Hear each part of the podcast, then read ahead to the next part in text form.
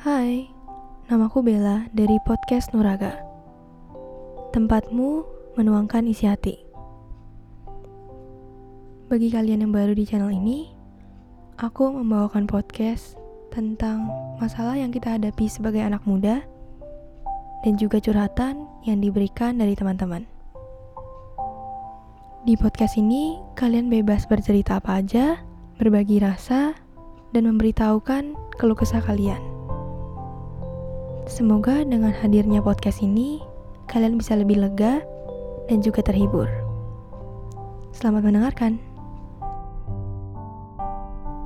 Teman, sebuah kata yang menunjukkan kedekatan kita terhadap seseorang.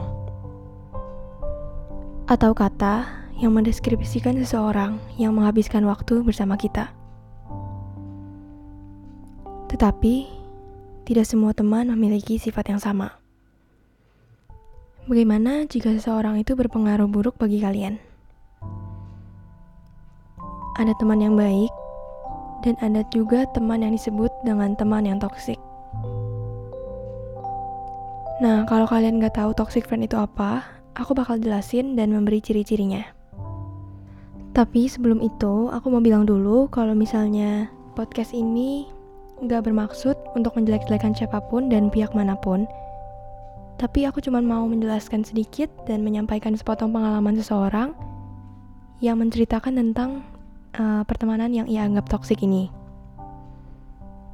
Jadi, ciri-ciri toxic friend yang pertama itu, dia itu suka banget dengan yang namanya gosip. Bisa ngomongin temennya sendiri, orang lain atau siapa pun, pokoknya dia suka banget dengan yang namanya gosip. Terus dia juga bisa memanipulasi kita atau mempengaruhi kita supaya kita mau melakukan apa yang dia mau. Dan masih ada banyak lagi yang tipe-tipe toxic friend yang mungkin gak akan aku sebutkan semua. Jadi, mari kita masuk aja ke pembahasan hari ini. Topik hari ini adalah sebuah cerita yang dikirimkan dari seseorang yang bernama Sandra dan Sandra ini adalah seorang alumni dari salah satu SMA yang tidak disebutkan tempatnya. Dia mau menceritakan tentang pertemanannya yang dianggap toksik yang menjadi penyesalan terbesar dia semasa SMA. Pertemanan yang membuatnya merasa tertekan dan capek hati banget, dan Sandra sejujurnya berharap dia nggak pernah berteman dengan teman ini. Cerita ini berawal di hari pertama SMA.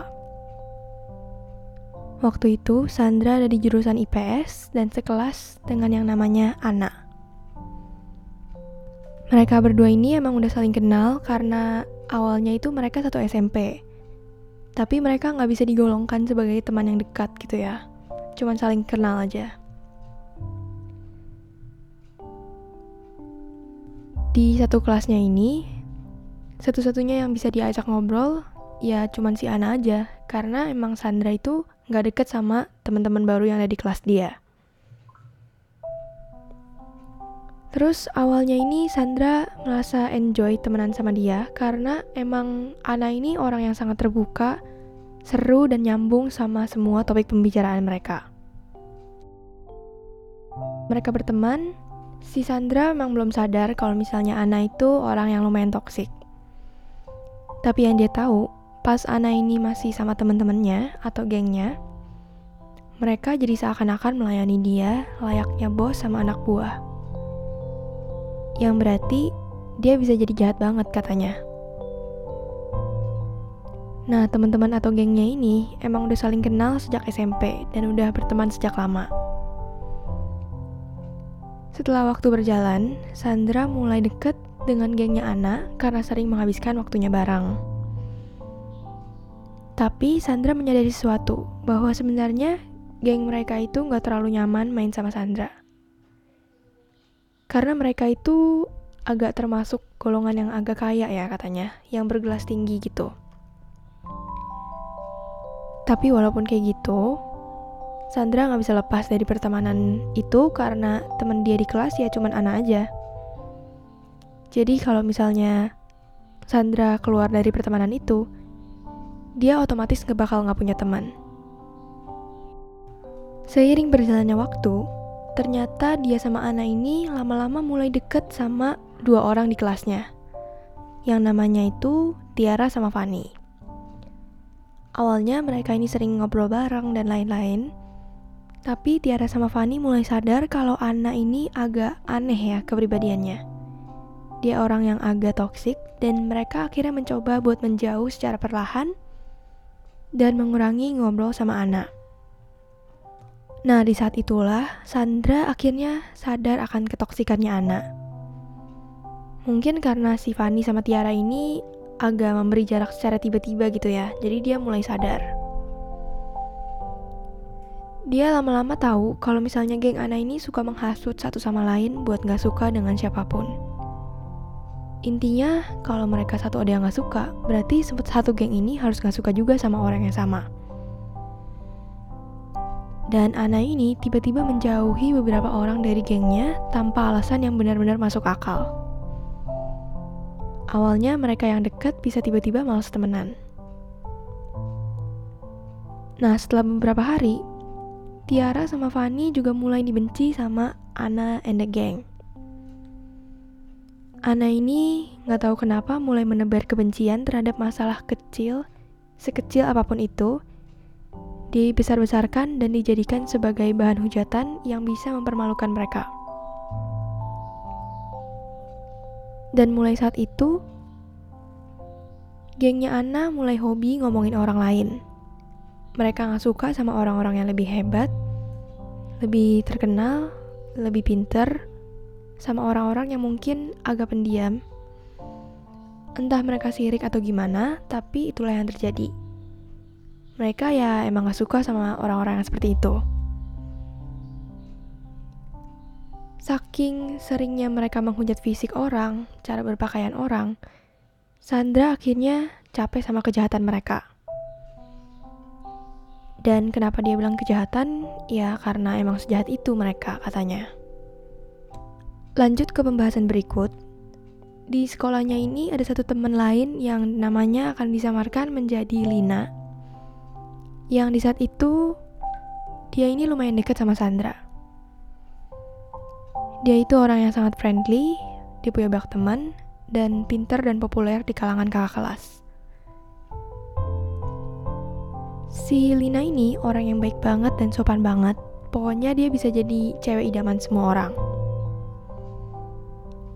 Nah mungkin gara-gara itu, si Ana jadi gak suka sama Lina, padahal Lina ini gak pernah jahatin geng mereka. Bahkan dia itu gak pernah berurusan sama sekali sama gengnya mereka.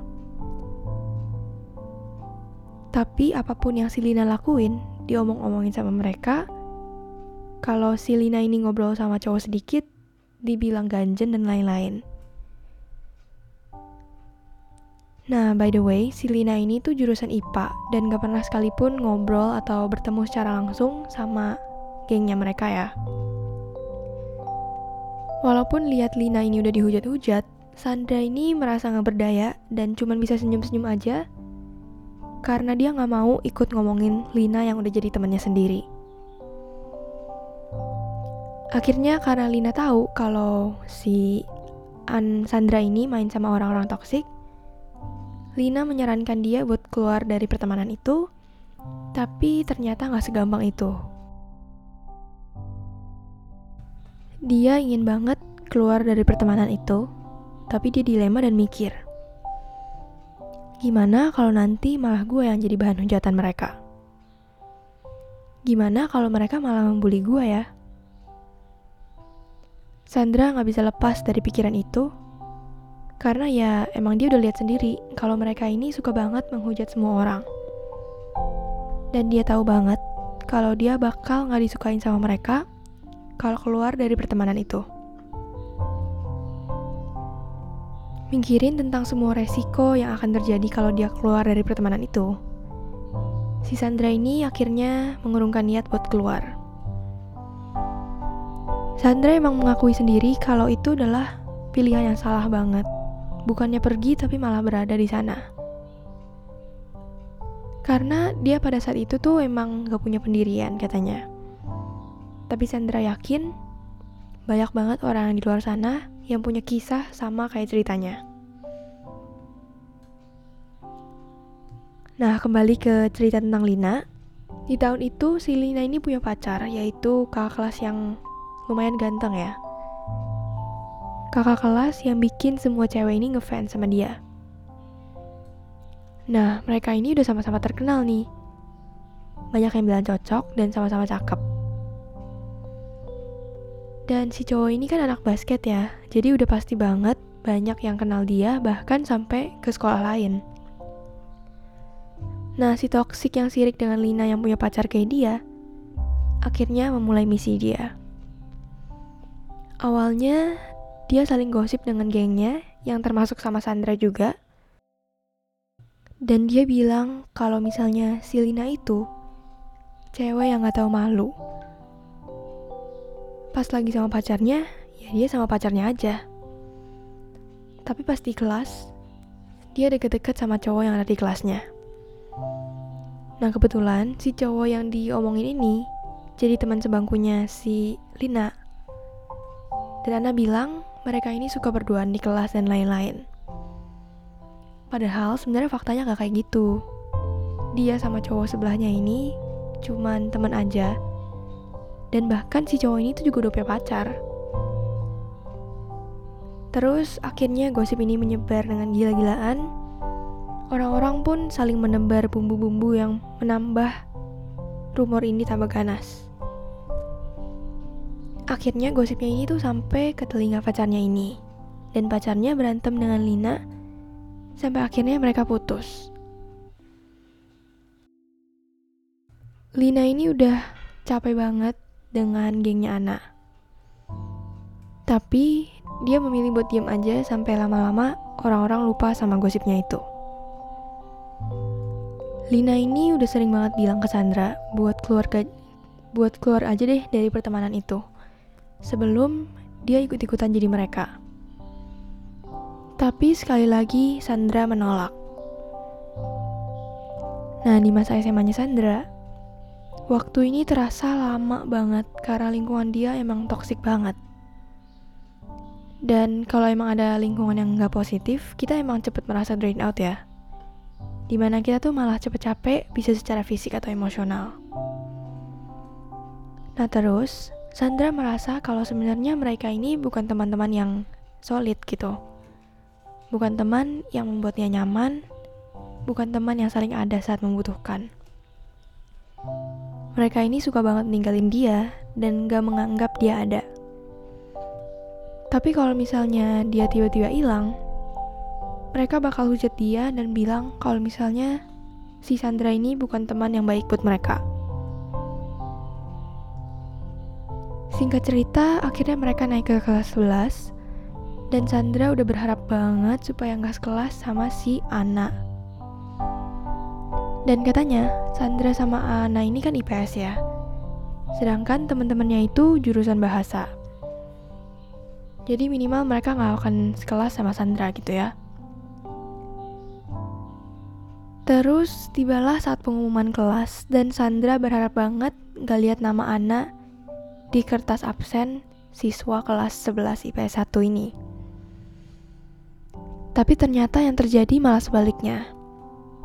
Dia itu benar-benar kaget dan sampai speechless katanya, karena dia itu malah sekelas lagi sama si Ana. Di tahun pelajaran ini pun Sandra tetap mempunyai lingkaran pertemanan yang toksik karena teman dia itu masih Ana in the gang ya. Memang di tahun ajaran yang baru ini, ada banyak teman yang bisa dijadiin teman dekat katanya. Yang jauh lebih baik dari teman-teman sebelumnya. Tapi dia itu terlalu takut buat keluar dari pertemanan itu. Ya karena alasan yang sama. Karena dia dilema dan takut dibully sama teman-temannya kalau keluar dari pertemanan itu. Di kelas 11 ini mereka jadi kakak kelas. Dan anak the gang menemukan target empuk yaitu salah satu adik kelas yang akan disamarin jadi X saja ya. Memang dia ini katanya agak genit, suka mencari perhatian, dan so cantik juga. Tapi menurut Sandra, kepribadian orang itu kan beda-beda ya. Jadi sebenarnya itu tuh nggak pantas buat dibuat sebagai bahan hujatan. Sebenarnya ini benar banget sih, kita itu nggak bisa menghujat atau mengejudge orang dari luarnya aja, karena kita nggak pernah tahu tentang cerita hidup orang. Balik ke ceritanya, saat itu Sandra dan gengnya Ana ini lagi makan di pinggir lapangan sekolah. Nah, terus muncullah si X ini. Si X ini lagi jalan dan melewati mereka. Nah, itulah awal pertamanya Ana dan teman-temannya ini gak suka sama X. Sandra sebenarnya lupa X ini sebenarnya ngapain sampai mereka jadi kesel. Tapi pokoknya abis X lewat, mereka langsung ketawain dia. Bahkan di hari lain, pas mereka ini lagi di koridor sekolah, Ana and the gang sama Sandra juga lagi berdiri di tangga. Nah, lewat nih si X. Dia gak ngapa-ngapain, tapi tiba-tiba si X dibully secara verbal. Dibulinya ini maksudnya tuh seperti yang kalian bayangin. Yang kayak di film-film gitu. Si X tuh diteriakin sampai dibilang caper persis di depan mukanya si X. Padahal X ini bahkan gak tahu mereka siapa dan gak pernah sekalipun ngobrol sama Ana and the gang. Dan yang membuat Sandra cukup kaget, si Ana ini juga pernah ngomongin temannya sendiri ternyata. Jadi ceritanya teman-teman Ana yang ada di jurusan bahasa punya teman juga di kelasnya. Si temennya ini sempat beberapa kali ikut mereka pas lagi makan di kantin gitu ya. Tapi setelah beberapa bulan, mereka mulai ngomongin si temennya ini. Ya dia kaget dong karena temennya itu lumayan deket sama teman-temannya Ana di jurusan bahasa. Tapi mereka tuh malah ngomonginnya parah banget. Dibilang bajunya cuma itu-itu doang, gendut, pelit, suka nggak tahu diri, dan yang paling parahnya itu dibilang gak punya uang buat beli baju. Soalnya mereka itu sering banget sering banget lihat temennya ini pakai baju yang sama terus. Itu titik di mana Sandra benar-benar kaget. Kok bisa sih mereka separah itu toksiknya katanya Nah dia ini udah sering banget cerita kan sama temen-temennya tentang kayak permasalahan sama temen toksiknya ini dan semua orang benar-benar menyuruh dia buat um, pergi aja deh dari pertemanan itu. Ini lagi penyesalan terbesarnya Sandra. Harusnya dia udah bisa punya kehidupan SMA yang jauh lebih seru dan positif gitu ya. Yang bisa dia kenang sampai sekarang. Tapi dia malah memilih buat tetap di pertemanan yang toksik yang enggak membuat dia bahagia sama sekali. Lama-lama, setelah sedikit demi sedikit Sandra mendapatkan keberanian dari pertolongan teman-temannya, dia mencoba buat menjauh dari Ana. Dan pada akhirnya Sandra balik lagi ke Lina. Dan pada saat itu hampir setiap hari dan setiap istirahat si Sandra selalu pergi ke kelasnya Lina. Si Ana tuh kayaknya merasa banget kalau misalnya Sandra tuh pergi dan menjauh dari dia dan istilahnya berkhianat lah ya sama mereka. Apalagi si Sandra sekarang malah temenan lagi sama Lina. Yang udah jelas-jelas si Lina ini tuh gak disukain sama gengnya Ana. Sejak saat itu, si Ana ini mulai gak peduliin Sandra pas dia lagi di kelas. Dan mulai sering ngomongin Sandra di belakang. Dan sepertinya Sandra itu nggak kuat dengan semua perasaan gelisahnya, dan akhirnya dia memilih lagi buat bilang ke Lina kalau misalnya dia bakal menjauh dari Lina dan pura-pura nggak suka sama Lina, cuman buat mendapatkan kepercayaan dari gengnya Ana lagi. Sebenarnya ini merupakan salah satu kebodohannya Sandra, karena dia bilang harusnya dia udah bisa keluar dari pertemanan itu. Tapi Sandra malah masuk lagi ke dalam ke dalam pertemanan ini. Akhirnya Sandra justru lebih gak bahagia karena Sandra nggak bisa bebas dan merasa leluasa ngobrol sama teman-temannya. Sandra merasa juga kalau dia ini nggak bisa menggali potensi di bidang yang dia mau, karena Sandra terlalu takut buat memulai segala hal. Dan karena masalah pertemanannya ini, Sandra takut banget buat memulai hal-hal baru. Dan karena Sandra merasa vibes yang mereka bawa itu membuat Sandra gak bebas dan gak pede, dan memberikan dampak yang buruk buat Sandra. Nah, semoga buat kalian semua yang lagi dengerin bisa dapat pelajaran atau pencerahan atau mungkin bisa memetik pesan moral yang tersirat dari cerita ini. Dan apa pun pilihan kalian, semoga kalian bisa bahagia dengan pilihan itu. Buat kalian yang mau kirimin cerita atau curhatan kalian, bisa banget kirimin ke nuraga.kita@gmail.com. Jangan lupa follow Instagram dan Twitter kami Buat Instagramnya di nuraga.kita dan Twitter di podcast Nuraga. Salam aku, Bella. Semoga harimu menyenangkan.